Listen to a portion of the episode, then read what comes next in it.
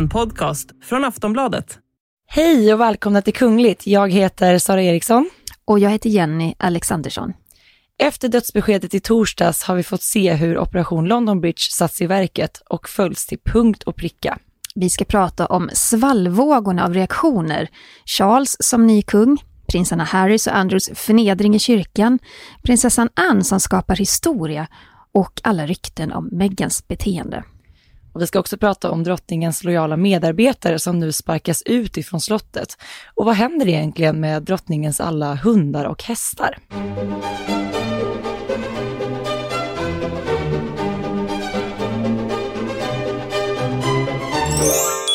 Ja, Sara, vi har ett späckat program framför oss. Men, ja. men vi måste ändå blicka tillbaka några dagar. Så här, vad, det, det, var ju ett eh, kraftfullt besked som kom. Drottning Elisabeth, 70 år på tronen har hon suttit, hon har gått ur tiden. Vad, vad tänker du om det nu när det har passerat några dagar? Men nu har ju några dagar gått. Vi spelade in ett avsnitt också av Kungligt i lördags. Eh, och nu ser man ju ännu fler så här reaktioner ifrån omvärlden och jag tycker att det är intressant att se på framförallt sociala medier hur folket och omvärlden har reagerat. Och eh, lite så här vad som delas och vad det är människor vill följa. Många är väldigt intresserade nu av vad som händer dag för dag fram till drottningens begravning och ja. detaljer kring den. Och en annan sak eller detalj som verkligen har gått viralt, det är ju den här tycker det är lite häftigt också, den här bilden som delas väldigt mycket på Twitter, Instagram och eh, TikTok det här molnet som formades nästan ser ut som drottning Elisabeth i samma stund som Buckingham Palace meddelade att drottningen avlidit. Mm. Och det är i kombination med de här dubbla regnbågarna över Buckingham Palace. Och är man lite så inne på TikTok där allting är i rörligt format och video så finns det så otroligt många fina klipp nu där man då har lagt in bilden på de här dubbla regnbågarna och sen också alla så här, från drottningens regentid. Hon klädde sig ofta upp i väldigt så starka färger. Och då har man liksom gjort så här mycket videos och klipp på drottningen i regnbågens alla färger. Jag tycker det, ja, det är många kreativa själar där ute som verkligen har, har hyllat henne på sitt sätt. Mm, ja men verkligen. Vad är dina tankar efter de här dagarna som har gått? Vad, någonting du har eh, Att jag är extra? väldigt imponerad av eh, ja, men brittiska staten och Buckingham Palace. Eh, iscensättande av London Bridge. Det är ju den här planen för vad man ska göra och hur allt ska gå till kring drottningens begravning och dagarna som leder fram till den. Det är ju helt otroligt att det funkar minut för minut, timme för timme.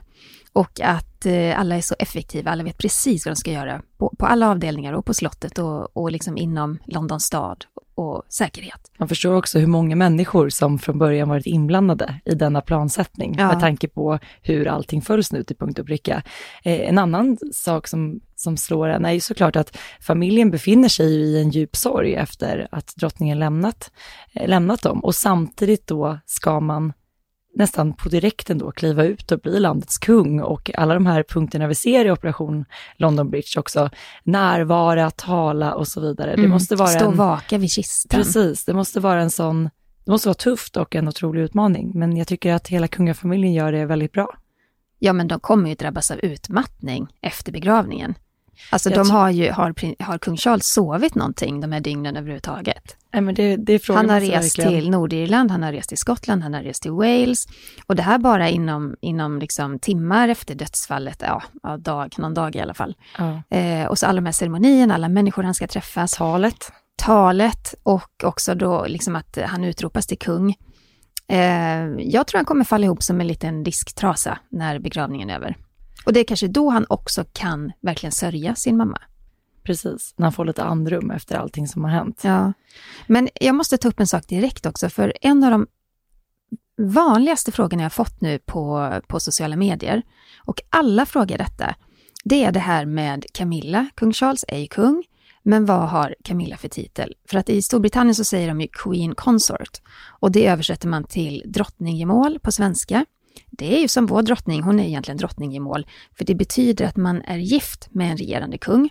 Till skillnad då från Queen eller drottning som då, alltså ja, Queen får väl säga för att det är inte riktigt samma i Sverige, som har betydelsen att man är regerande drottning.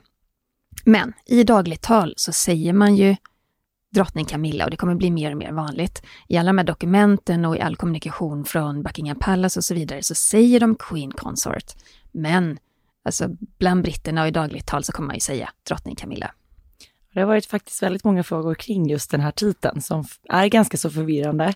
Och eh, just de här brittiska titlarna är inte helt enkla att översätta. Nej, och det skiljer svenska. också. Det är ju så att det är inte lika i alla länder och inom alla kungafamiljer. Det skiljer lite grann i betydelse. Det finns andra titlar hos vissa familjer och så vidare.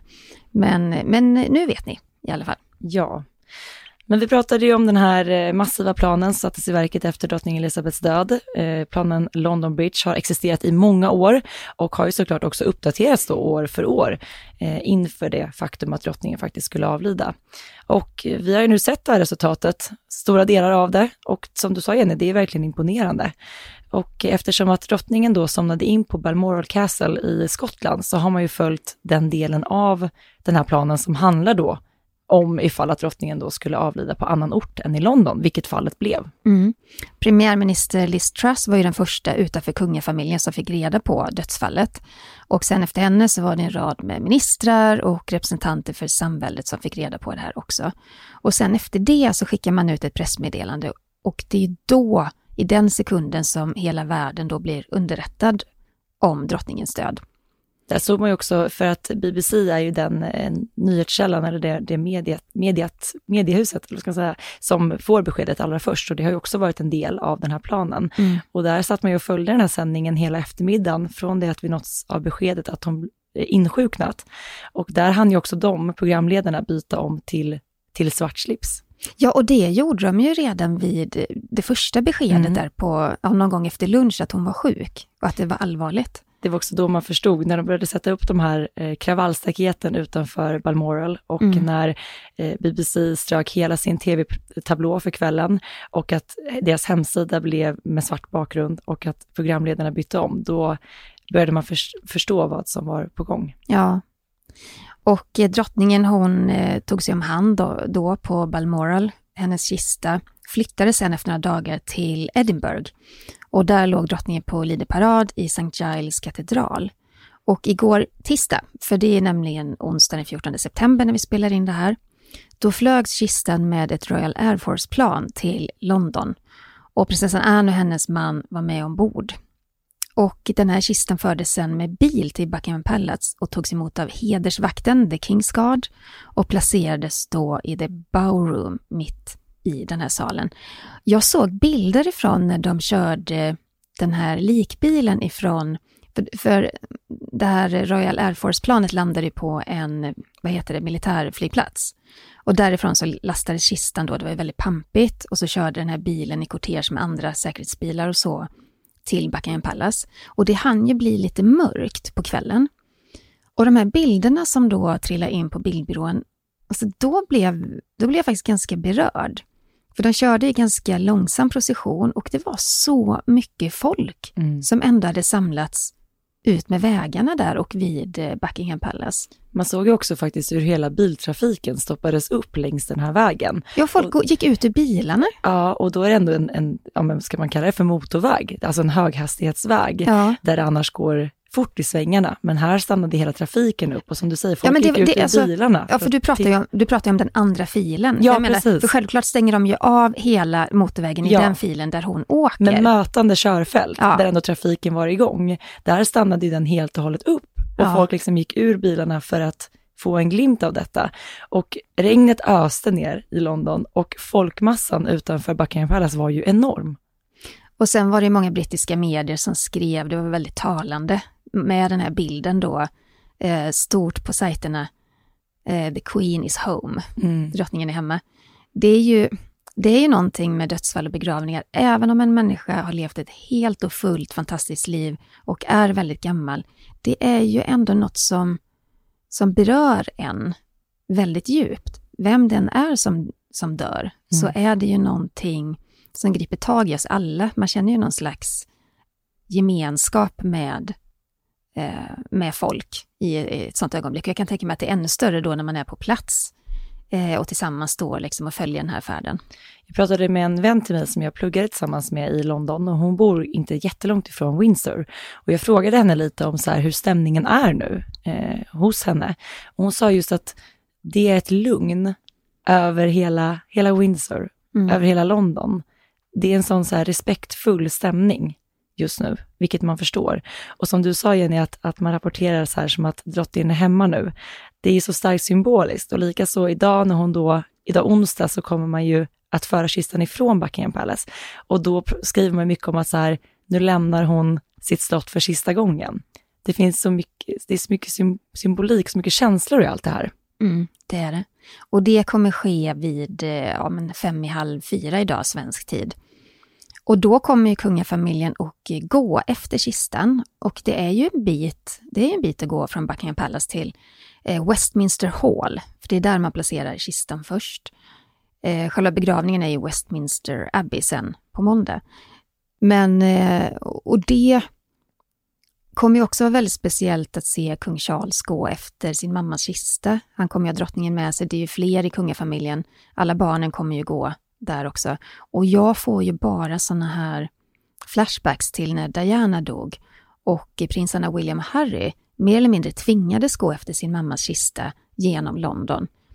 Det, det har ju också blivit väldigt kritiserat, väldigt att de tvingades göra det i den unga åldern. Och ser man de bilderna och de klippen så är det verkligen så hjärtskärande att se hur de kliver på den här positionen alltså den har precis startat och den långa vägen de var tvungna att vandra och folket grät, folket skrek, eh, det kastades blommor på Dianas kista och mitt i det, de här små, små barnen, mm. att behöva utsättas för det. Så att jag håller med dig, direkt när man, när man pratar om det här så kastas man tillbaka till de här bilderna och det gör, det gör lite ont i hjärtat. Ja, och det är sån känslig ålder. De var ju, Harry var väl 12 och William 15. Mm. Fruktansvärt att, att gå. Nu kommer de ju gå igen, men då liksom till, eh, ja, efter sin farmor. Det är en helt annan situation. Men, eh, men ni kommer ju säkert se, ni som lyssnar kommer säkert se bilder och, och filmklipp ifrån den här promenaden. Eh, en sak som har lagts på kistan nu under, under, eller kommer läggas under dagen, det är det här där Imperial State Crown kommer att placeras samt en blomsterkrans på kistan. Och vägen som kistan nu kommer att, att färdas påminner ju väldigt mycket om eh, Troop in the Color-paraden. Eh, den påbörjas just då från Buckingham Palace. Eh, hela The Mall ska de passera och sen går de liksom igenom vad man kallas för, kallar för Horse Horse Guards Parade och vidare till Westminster Hall. Så att som du nämnde Jenny, det är en, det är en ganska lång procession. Mm. Och sen kommer då kisten ligga på Lide parad i fyra dagar, från och med idag då, den 14 september till söndag den 18 september. Och eh, Westminster Hall kommer att vara öppen 24 timmar om dygnet, så att britterna kan ta ett sista farväl av sin drottning. Och det är ju också väldigt speciellt att göra. Det kommer ju kräva enormt mycket säkerhet, enormt mycket eh, organisation kring det. För att, eh, jag menar, sen i somras när vi var då på Platina-jubileet, det var ju sjukt mycket folk överallt och alla ville komma nära.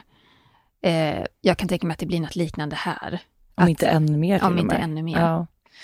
Och den här kistan då som, som drottningen eh, nu ligger i är ju gjord av bly och det är enligt en kunglig tradition. Eh, den tillverkades redan för över 30 år sedan och man fodrar då kistan med bly för att den ska skydda kroppen och att det tar längre tid för den då att förmultna. Det kommer inte in något, något fukt i kistan på samma sätt då. Så mm. det är en väldigt tung kista. Ja, de brukar ju vara då åtta kistbärare istället för sex i vanliga fall. Och det är ju för att man kan nästan se när man ser bilder på de här kistbärarna som har burit den hittills, att det är tungt. Mm. Det är ingen lätt sak. Men du pratade om det här med att många människor kommer att samlas och säkerhetspådraget. Under idag då, eh, onsdag, så kommer ju eh, drottningens kista att placeras och man pratar då om att folk har stått i kö redan sedan igår förmiddags för att då kunna säga hej då till sin drottning. Mm. Och i London så förbereder sig såklart myndigheter för de här enorma folksamlingarna. Enligt källor till The Times så tror man att över 750 000 människor nu kommer att besöka Westminster Hall under de närmsta fyra dagarna. Eh, man pratar om över 10 000 poliser och 1 500 soldater som kommer att arbeta då, ja men dygnet runt för att hålla koll på de här stora folkmassorna och en sträcka på över en mil har satts upp för att besökarna liksom ska kunna bilda en kö. Men du, det här påminner om de här köerna till flygplatserna i somras. Där, ja. där människor stod liksom kilometervis ja. eh, ut med eh, vägar det är inte klokt, det här kommer ju bli ännu värre. En mil alltså. Men jag tänkte också på det att myndigheterna har gått ut med ett förbud att folk inte får kampa. Och det var ju någonting vi såg faktiskt vid Platina-jubileumet, Jenny, just att folk hade faktiskt satt upp tält mm. eh, längs med Demal. Och det har man då förbjudit besökarna från att göra nu. Ja, man har ju använt det här knepet istället att de som köar, de får ett nummer på ett armband. Och på så sätt så kan de ju lämna kön ifall de behöver gå på toaletten eller äta och så vidare. Och det är väl ändå klokt Eh, annars kommer man ju också ha ansvar för att människor kanske svimmar eller blir trängda i kön och, och det vill man ju såklart inte. Nej. Men på måndag 19 september så är det begravning och då förs kistan, det är en ganska kort bit, från Westminster Hall till Westminster Abbey. Och kyrkan kommer ju där vara full av gäster, runt 2000 gäster räknar man med. Det är kungafamiljen, det är eh, politiker, det är representanter för det officiella England, men, men framförallt tillresta kungligheter från hela världen. Jag vågar inte ens tänka på det här säkerhetsarrangemanget.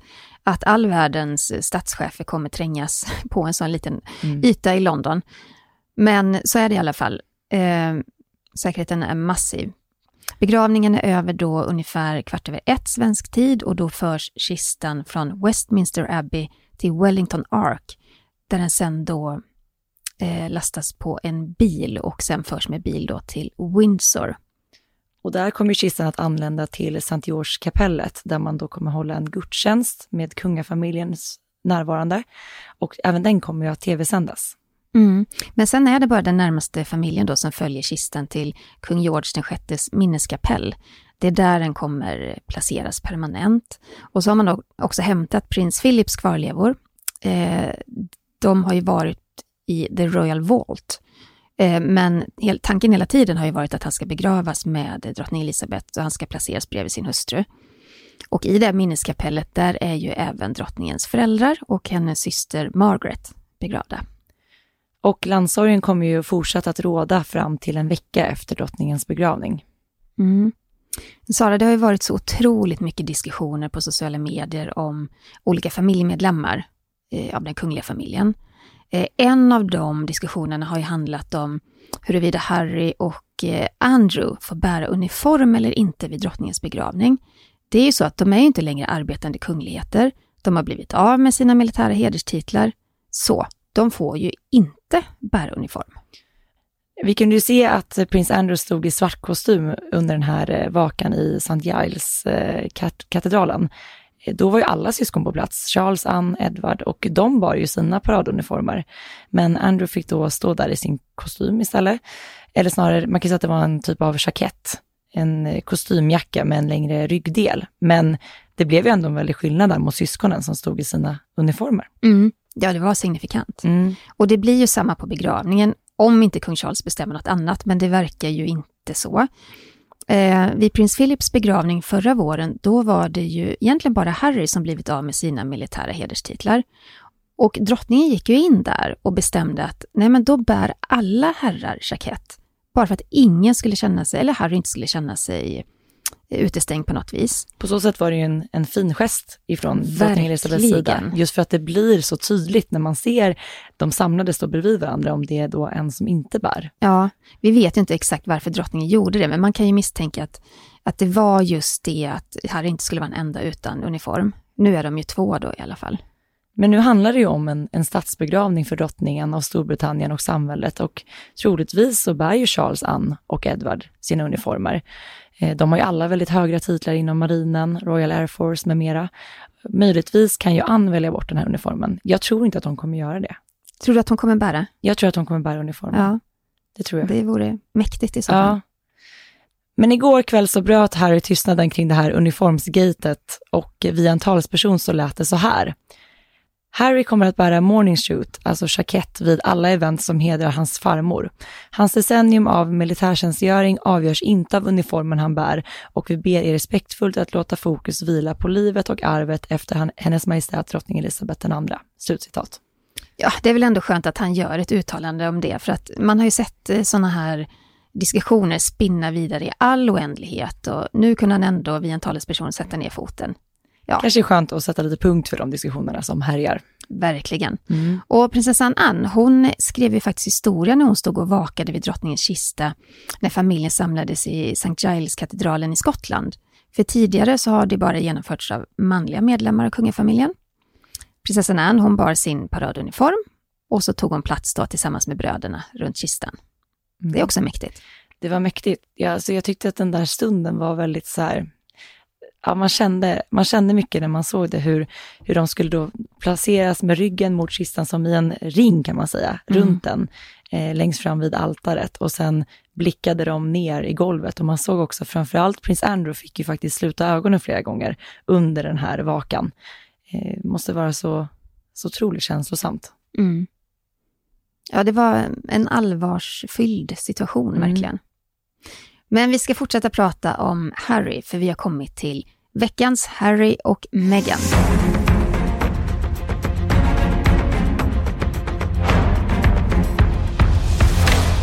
Och det har ju diskuterats flitigt kring Harry och Meghans promenad vid Windsor Castle. De gick tillsammans med prins William och Kate och inspekterade blomsterhavet utanför grindarna till slottet. Ja, och i vanlig ordning så har ju Harry och Meghan kritiser kritiserats grundligt, för det sker ju varje gång som de syns i offentligheten. Och det är ju så att en talesperson för prins William har ju bekräftat att han bjöd in sin lillebror och hans fru till att gå tillsammans med honom och Kate. Och det är ju en jättefin gest.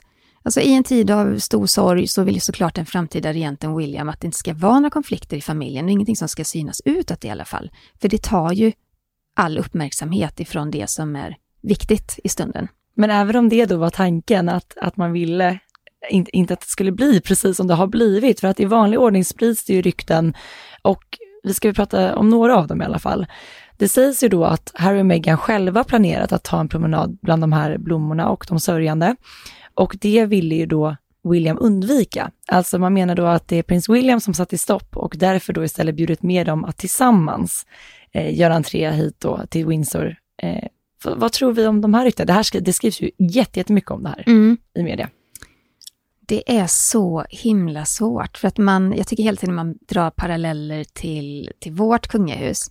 Där skulle en sån sak aldrig hända. Madeleine och Chris skulle aldrig få för sig att ta en egen promenad bland sörjande, utan där sker ju allting väldigt, det är väldigt styrt av kungens vilja och, och hovet och sådär.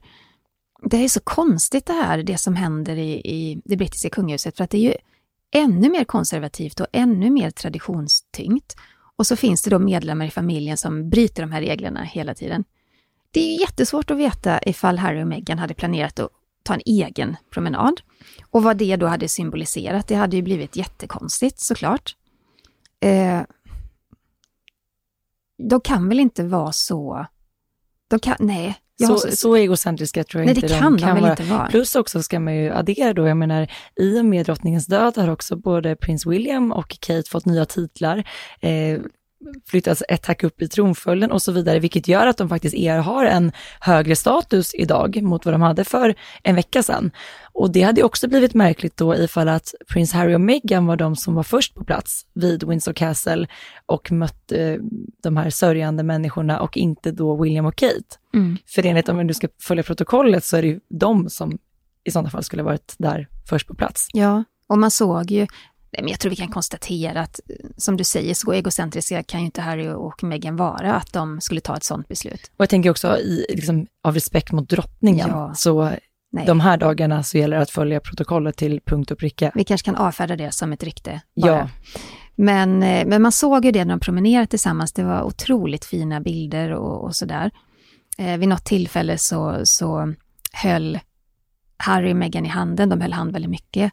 Och lite grann höll han henne tillbaka för att eh, eh, William och Kate skulle få gå först till olika platser vid blommorna. Eh, och det är väl inte jättelätt för någon som är ingift och knappt gett en chans att veta hur reglerna ser ut. Så att det är väl perfekt att Harry hjälper till lite grann. För Men, han har ju koll på dem. Han har koll på dem. Det får man ju lov att säga. Men det väckte också uppmärksamhet såklart. Det gjorde det. Det gör det om, om, om allt, allting. Eh, det har också spridits många TikToks-videos och Instagram-videos som visar då att Harry och Meghan, alltså när de är i samtal med sörjande på platsen, Och en del av dessa är ju till Megans fördel, men många klankar också ner på henne ordentligt. En video som nu har blivit väldigt viral är då tre kvinnor som vägrar att hälsa på henne när hon kommer fram till dem. En av dem tittar till och med bort och hånler ser man i den här videon. Men Megan, eh, hon är rakryggad och går liksom diplomatiskt vidare efter det här.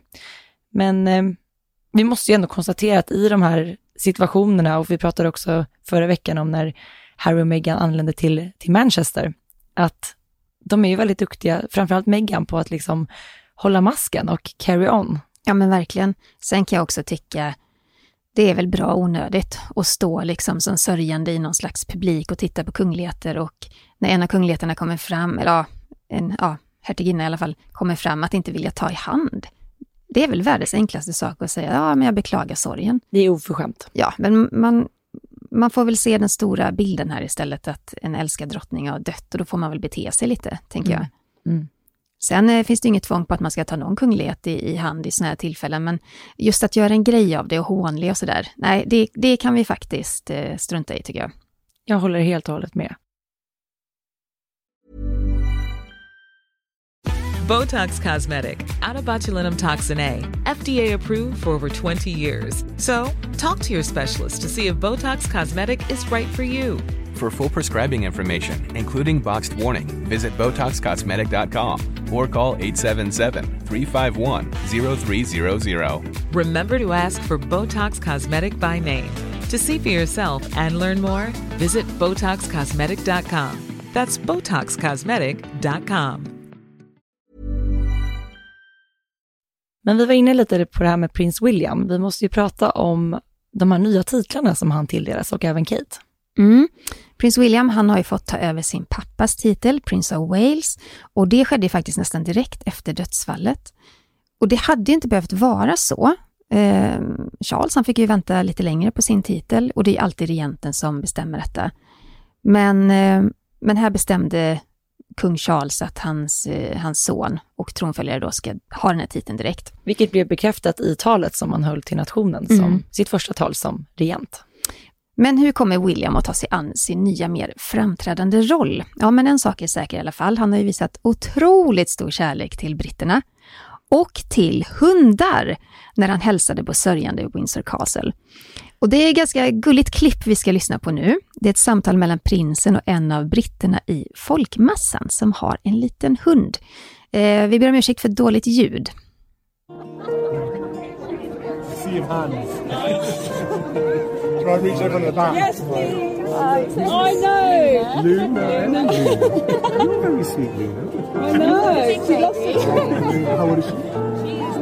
Is. Dogs at this time are so important. I give my dog a lot of cuddles in there. Very important. She's a big We've got a little spaniel. Oh, no. Sorry, sorry for your loss. Sorry for your loss. Nice to meet you guys. Thank you for coming along today. Thank you. Ja, han säger ju här att, att hundar är så viktiga just nu och han säger att han gosar med, min, med sin hund extra mycket just nu. Och han berättar att han har en liten spaniel som heter Ora och att hon är väldigt gullig. Det här med hundar, Jenny, jag kommer att tänka på det nu när vi pratar om det. Kommer du ihåg under Platinajubileet i London att både du och jag pratade om vad mycket hundar det är överallt? Ja, Att det var väldigt många som tog med sig sina hundar. ja, Och hundar har ju faktiskt varit väldigt viktiga för alla medlemmar i den brittiska kungafamiljen. De har alltid, alla har ju vuxit upp med hundar och haft en väldigt central del i deras liv. Och så även såklart för drottning Elizabeth. Hon eh, har ju haft, hon har alltid varit en sann djurvän. Hon har haft många hundar och även hästar hela livet. Och hon efterlämnade ju inte bara sin familj nu, utan även fyra stycken fyrbenta vänner. Ja, det är Muick och Sandy och de är av rasen Welsh Corgi. Och så Candy som är en Dorgie som är blandras mellan tax och corgi. Samt cockerspanien Lizzie som faktiskt är döpt efter drottningen själv. Och på sociala medier så är det många som skriver då om drottningens hundar och undrar vad kommer hända med dem? Och enligt en källa till Sky News så kommer då hundarna Muick och Sandy att flytta in hos eh, sonen, prins Andrew, och eh, exfrun Fergie som bor i Royal Lodge. Men vad som händer med de andra två hundarna, det är ännu lite oklart. Men mest troligt är att de får flytta in hos någon i familjen helt enkelt det finns ju väldigt många fina historier om drottningen och hennes hundar. Hon har ju ägt över 30 olika corgis under sitt liv och många av hennes hundar härstammar faktiskt från drottningens allra första corgi, Susan, som hon fick i 18-årspresent av sina föräldrar. Och när prins Philip dog 2021 så gav ju hennes son då, prins Andrew, drottningen två nya hundar som skulle muntra upp henne lite. Eh, Mewick och Fergus hette den andra hunden. Fergus. Ja. Fergus. Men eh, bara en månad efter prinsens död så dog den här Fergus-hunden och drottningen fick då en ny hund av Andrew, Sandy, som nu får flytta in i ett nytt hem. Mm. Och vi måste prata om, när vi ändå är inne på djur, vi måste även prata om drottningens hästar. Hon har ju ägt mer än hundra hästar under sitt liv. Eh, när hon var tre år gammal då satt hon på hästryggen och fick lektioner. Och i fyraårspresent så fick hon shetlandsponnyn Peggy i gåva av sin far. Det var ju också hennes pappa som gav henne hennes första hund, Ja, eh, precis. Sandy. Så både hunden och den första hästen har hon fått av sin pappa. Mm. Och under tonåren då så var hon väldigt aktiv inom ridsporten. Hon ska då ha berättat för sin ridlärare Smith att om hon inte hade varit den hon var så skulle hon önska att hon varit då en kvinna som spenderade all sin tid på landet tillsammans med hästar och hundar. Det kan man ju faktiskt förstå. Ja, så fort hon hade en minut över så... så var hon i stallet. Ja, Men det är intressant just för att drottningens starka intresse för hästar gjorde att de här kungliga stallen som tidigare då fått upp hästar med för ja, men transport och kortege i de här kungliga sammanhangen då, de förvandlades till liksom ett elituppfödningsstall av fullblodshästar. Och under åren så har ju drottningens hästar vunnit några av de här allra största loppen i världen. Och jag tror att vi är överens om, när man ser klipp ifrån de här hästtävlingarna, när man då har zoomat in drottning Elizabeth, det är sällan man har sett henne så lycklig som när hon får följa sina hästar på banan. ja men verkligen. Ehm, det är ju lite svårt att beräkna exakt hur många hästar som drottningen har ägt, för de har ju ofta förflyttats, de har bytt ägare och sådär.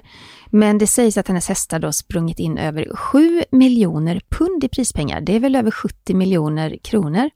Det kan behövas, för det är dyrt att ha häst. Det är dyrt att ha häst. Och enligt den kungliga författaren Claudia Joseph så förväntades prinsessan Anne och hennes dotter Sarah Tyndall fatta beslut då om vad som kommer hända med drottningens hästar efter hennes död.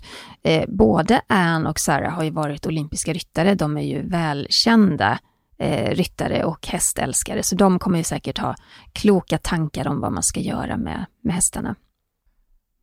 Vi ska också prata om drottningens anställda, för många som jobbar direkt under drottningen, de har bostäder på eller i närheten av slottet. Och där bor de under en tid då som de arbetar för drottningen och för hovet. Men det händer någonting speciellt när en regent dör. För flera av dem som nu avslutar sina tjänster i samband med drottningens död, eh, och det här är väldigt vanligt, när det blir en ny regent så, så väljer den nya regenten sin eh, stab helt enkelt. De som lämnar nu, de får en månads uppsägningstid enligt brittiska medier. Det är inte jättelång tid. Och det betyder egentligen inte, det är inte så att de automatiskt förlorar sin anställning vid hovet, men de förlorar ju den position de liksom har haft inför drottningen. Eh, för vissa handlar det om att de måste söka en ny tjänst hos kung Charles, för andras, ja, andra kanske lämnar helt enkelt. Men det finns ju en person Det här som, tycker jag är så spännande. ja, som inte kommer behöva lämna sin bostad nu när kung Charles ska bilda en egen personalstyrka. Och det, Sara, vem är det? Ja, men det är ju rådgivaren, stylisten och den mycket nära medarbetaren Angela Kelly. Hon får ju nu bo kvar i sin bostad vid Windsor Castle och det är lite då som tack för en lång och trogen tjänst. För att Angela flyttade ju till Windsor tidigare i år för att då vara nära drottningen som övergav då Buckingham Palace för Windsor Castle den sista tiden. Och Angela, hon har ju varit med drottningen länge. Hon jobbade ju som personlig stylist för drottningen 1994, men övergick då senare till ja, men någon form av rådgivare och stöttepelare. Och hon har ju också skrivit en, en bok om sitt arbete hos drottningen. En väldigt spännande bok. Det var ju också på drottningens godkännande såklart att hon skrev den här. Och i den här boken så skriver hon att, att det var hon som bland annat fick då gå ut i drottningens nya skor så att hon inte skulle få skavsår i och med att de då har haft samma storlek. Det måste ha underlättat arbetet givetvis. Ja, men aj, aj, det där kan ju skava ordentligt. Köttiga hälar emellanåt. Oh. Ja. Nej, men den här boken faktiskt rekommenderar jag att, att ni läser. Den är väldigt spännande. Man får verkligen en inblick i, i liksom hur arbetet går till bakom drottning Elizabeth. Mm, hon får helt enkelt bo kvar nu då. Det tycker jag var en fin gest. det tycker jag också. Men hon har gjort mycket för drottningen och stått henne väldigt nära. Men eh, sen är frågan också var det nya kungaparet ska bo någonstans. För sedan kung Charles och eh, drottning Camilla gifte sig 2005 så har de ju bott på Clarence House i London nära St. James Palace. Och de har ju inte meddelat ännu sitt beslut, men mest troligt är att paret kommer flytta in på Buckingham Palace. Drottning Elizabeth och prins Philip de bodde ju på slottet stora delar av sitt liv och eh, ja, prins, numera då, kung Charles, han har ju vuxit upp där. Och eh, under coronapandemin så flyttade drottningen prins Philip till Windsor. De kom ju aldrig tillbaka, så att det har ju varit en fråga här. Kommer Buckingham Palace bara bli en arbetsplats eh, eller kommer det bli en, en kunglig privatbostad också? Mm. Den allra första monarken som använde slottet som bostad var ju drottning Victoria 1837 och sedan dess har ju Buckingham Palace varit liksom monarkens residens. Och det är inget dåligt boende det här Jenny, det får man ju lov att säga. Eh, slottet har ju 775 rum, inräknat då 19 staterooms, 52 royal och gästsovrum, 188 rum för personalen, 92 kontor och 78 badrum. Men Så du, plats måste, finns. Ja, plats finns, Mm. men du, 775 rum, 188 rum för personalen, då är ju 75, eller 78 badrum inte jättemycket till den här enorma massan av människor som bor där inne på slottet. Nej, egentligen Nej. inte om man börjar på Om vi då utgår ifrån att alla rum är fulla till bredden av Ja. människor, då, är, då börjar det på sina kö lite på till badrums... toaletterna. Bli kö. Och framförallt som vi pratade om innan, att värma upp detta. Men du, med de här elkostnaderna nu, Sara, tror du inte att de kommer börja stänga av värmen i vissa rum som inte används så mycket? Jo, men de så måste, ju verkligen ju- spara på uppvärmningskostnaderna. Få dra ner det till 100 rum bara. Ja, eller hur? Precis. Det blir kalla slott här i Storbritannien framöver. Ja, eh, men enligt då en källa till Daily Mail så är ju kung Charles fast beslutsam om att liksom Buckingham Palace är, ja, men det är en stark symbol för monarkin i landets huvudstad och att det därför måste bli kungaparets hem. Men det har ju alltid förts lite diskussioner just om Buckingham Palace, att det är lite så här, inte bara kallt rent kyl, alltså känsla, utan att det är ganska så här kallt och det har behövts renoveras nu, det har väl gjorts det nu under, under flera år också. Lite kärlek, utan att det är därför kungligheterna ofta har eh, återvänt till Windsor, till Balmoral, just för att det, det är en mer varm känsla där. Och mer ett hem kanske. Ehm, just den här renoveringen av Buckingham Palace, eh, om jag minns rätt nu, så ska ju den kostnaden hamna någonstans på nästan en miljard. För man måste byta ut alla avlopp och man måste byta, byta ut elektricitet och det är en sån gammal byggnad som man också måste vara väldigt rädd om. Mm. Så det är en hög kostnad där. Men vi måste prata vidare om Charles, kung Charles, Har du också märkt hur, hur ofta man snubblar på tungan nu? hela Även tiden. om jag är såklart är jättemedveten om att han numera är kung Charles den tredje, så hör jag mig själv gång på gång säga prins Charles, för det har man sagt Det sitter i ryggmärgen på en. Mm. Men det är så här, en era är över, ett nytt tidevarv har startat i det brittiska kungahuset. Och det är klart att drottningen lämnar ett stort tomrum efter sig. Eh, man pratar ju i Storbritannien inte bara om kungahuset som en institution, utan det är också som en identitet på något sätt, som varit förknippad med drottning Elizabeth i över 70 år. Så nu ska kung Charles fylla det här, det är en utmaning, men han har haft tid på sig. Han är ju faktiskt världens äldsta kronprins. Ja, 73 år gammal eh, hann han bli innan han tog över kronan efter sin mamma. Och jag tycker det är så intressant nu att följa liksom hur det skrivs och hur det pratas om kung Charles som regent. Mycket gamla saker bubblar såklart som alltid upp till ytan. Eh, och ja, det, det är lite uppdelat skulle jag säga i två lag där ja, men de kritiska rösterna är ju oroade över om kung Charles kommer att bli början på brittiska monarkins fall. Eh, republikanerna har ju kämpat i motvind under drottningens styre och nu tror ju många att de kommer få starkare fäste i och med att kungens popularitet är ju inte i närheten av drottningens och kommer heller inte att bli det. Det är ju folk väldigt övertygade om. Och sen handlar det också om det här med samväldet. Det är ju liksom en sammanslutning av över 50 länder. Det har ju sin historia ifrån de brittiska kolonierna. Eh, drottning Elizabeth hon var ju statsöverhuvud i 15 av de länderna. Men det är ju ändå så att kung Charles har inte samma starka symbolvärde för samväldet som hans mamma hade. Eh, troligtvis så kommer det vara länder som sparkar honom som statsöverhuvud. Det var det redan under drottningens tid och hon var helt med på de noterna. Eh, Barbados kapade banden, blev republik förra året, 2021. Vi kommer få se fler stater göra på det viset, det är jag säker på. Ja, verkligen. Man har ju man ser väl liksom tillfället nu, att det är ett bra tillfälle i och med skiftet nu. Man har ju känt mycket respekt och lojalitet mot drottningen för att hon har funnits där i 70 år, men, men som sagt, den finns ju inte för Charles på samma sätt. Nej, det ska bli spännande att följa tycker jag. Och, och framåt nu så är det ju såklart viktigt att kung Charles, han måste ju se till att kungahuset känns modernt och relevant och så även för de unga i, i samhället. Jag tror mycket på att, han har pratat lite om det tidigare också, det här med att slimma kungahuset, dra ner på omkostnader, tydliggöra liksom vad som kan förväntas av vem. Lite som man har gjort i Sverige, att man kapar grenar just för att förstå vilken, vem som har vilken plats. Ja, och samtidigt så är det många som ser det här skiftet med positiva ögon. Um, Kung Charles han har ju under alla sina år varit otroligt engagerad i miljö och, och, och klimatfrågor och sådär. Och det är klart att använda här, den här kungliga statusen till att belysa sådana frågor som ligger så väl i tiden är ju fantastiskt, såklart.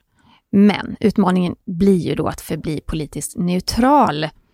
Och det är ju så att redan på 1970-talet så höll ju eh, ja, nu höll jag på att säga prins Charles, kung Charles tal då om farlig, farliga föroreningar i luften.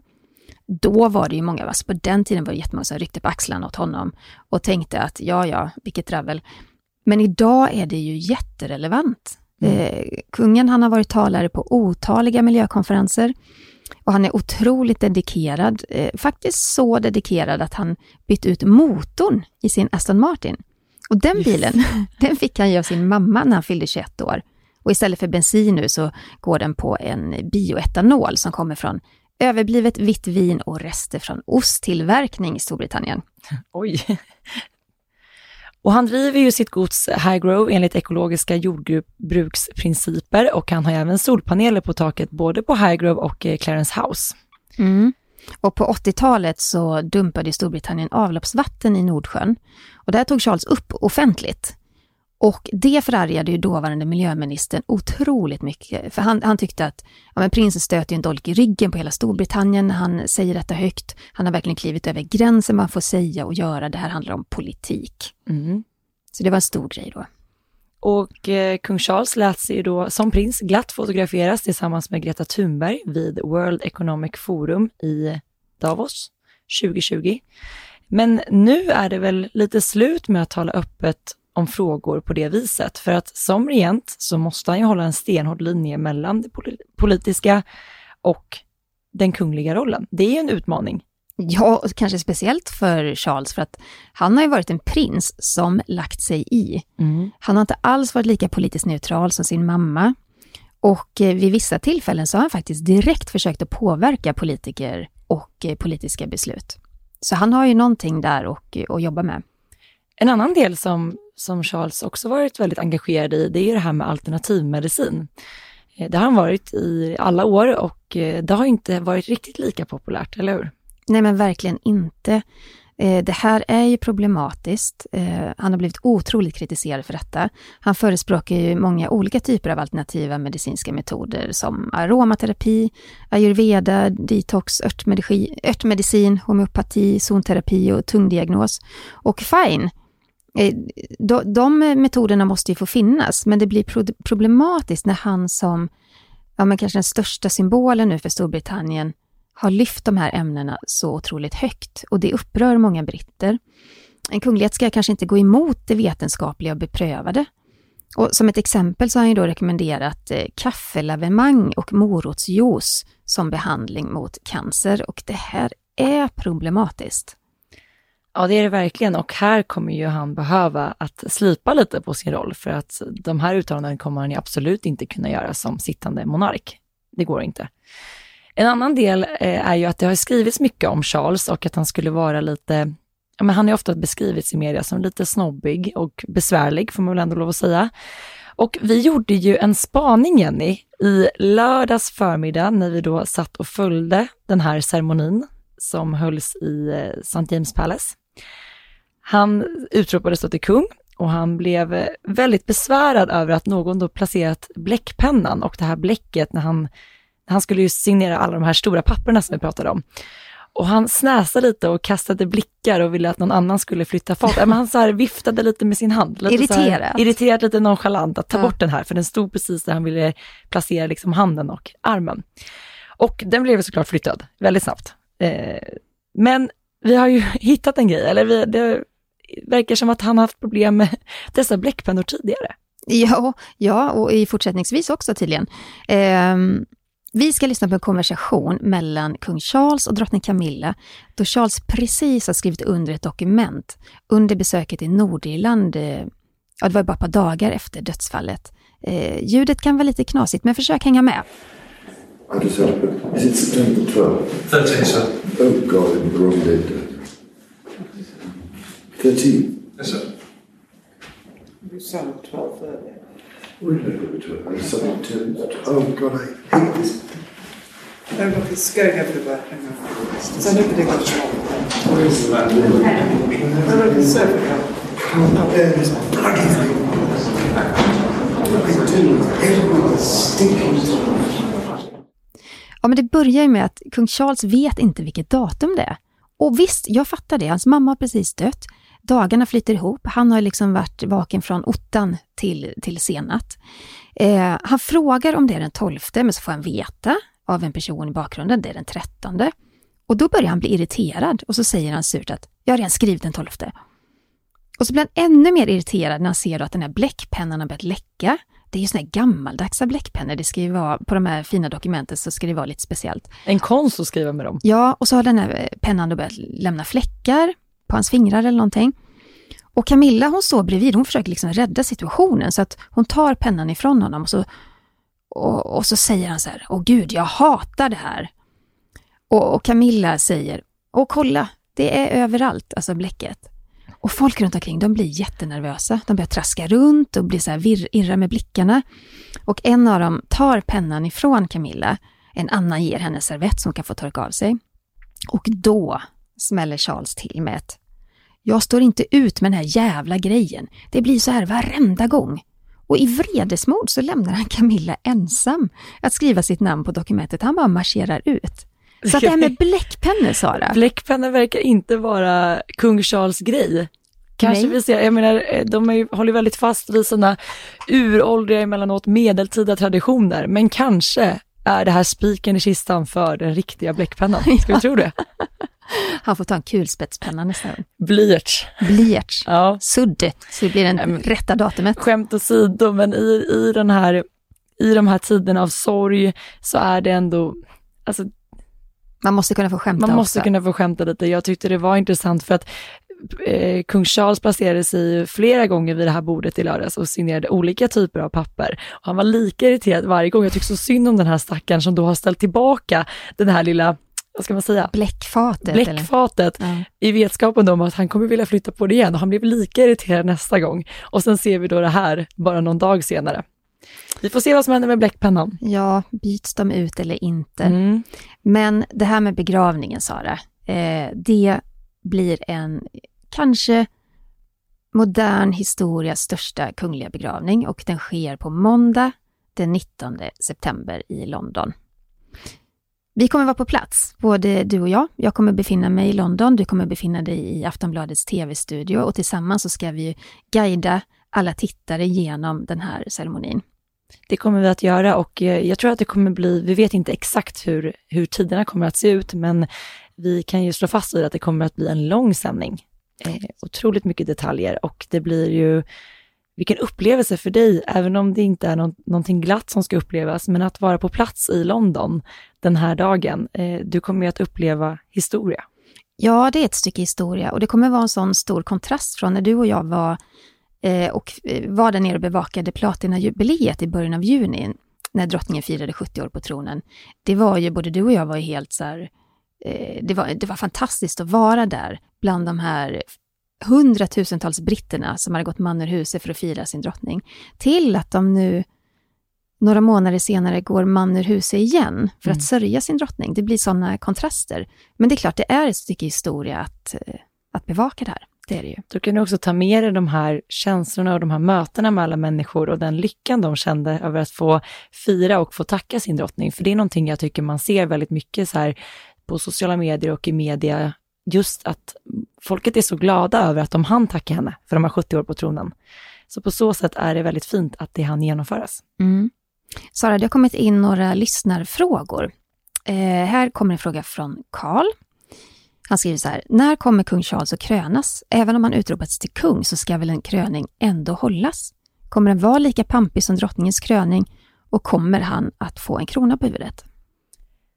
Ja, troligtvis kommer ju en kröning att hållas inom ett år. Om man tittar på när drottning Elizabeth kröntes för 70 år sedan så tog det ett år och fyra månader innan hon kröntes eh, vid den här pampiga ceremonin. Varför väntade man? Ja, men det handlar ju mycket om att dels fort, fortsatt liksom visa respekt och sorg mot då i, i Elisabeths fall hennes pappa som hade gått bort och i det här fallet då drottning Elisabeth. Att man kan inte slå på de här stora trummorna direkt efter någons död. Sen är det också en enorm förberedelse. Eh, jag menar, tittar man på drottning Elisabeths kröning, det var ju inget litet maskineri som sattes i rullning under den kröningen. Och troligtvis kommer det att bli något liknande när Charles kröns då. Vi vet ju inte om det kommer att bli lika pampigt. Eh, Buckingham Palace har inte delat någon information om det här. Jag har svårt att se att man i Storbritannien kommer att dra i handbromsen kring det här. Eh, I Sverige har man inte sett en kröning sedan Oscar den andra och det handlar ju mycket om att man inte tyckte att det var rätt i tiden, den, den typen av kröningsceremoni längre. Så att här kan ju också kung Charles verkligen, om han önskar kanske vara en kung mer i tiden så kan man ju dra ner lite på det här. Men jag har svårt att tro att man kommer göra det. Vad tror du?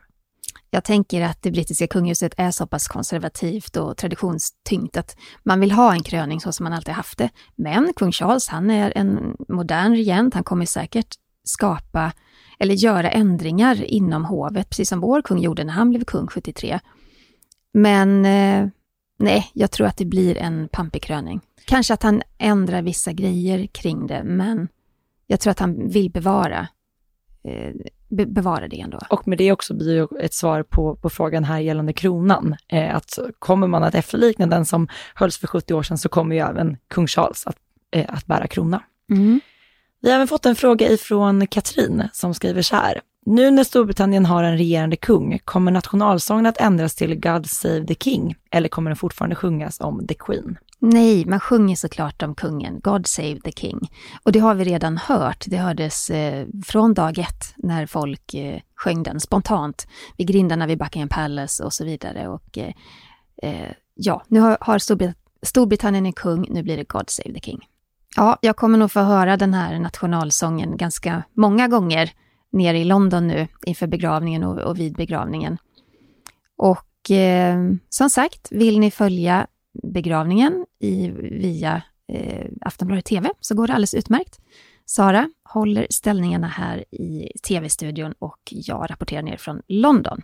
Mm, och vill man följa oss på sociala medier så gör man det enklast via Instagram och där heter du? Kungligt med Jenny. Och vad heter du där? Rödlistan.se. Och eh, tack snälla för att ni har lyssnat på veckans avsnitt av Kungligt. Vi hörs igen nästa vecka. Hej då! Hej då!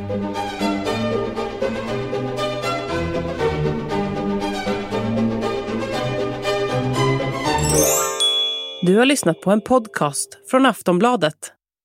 Ansvarig utgivare är Lena K Samuelsson.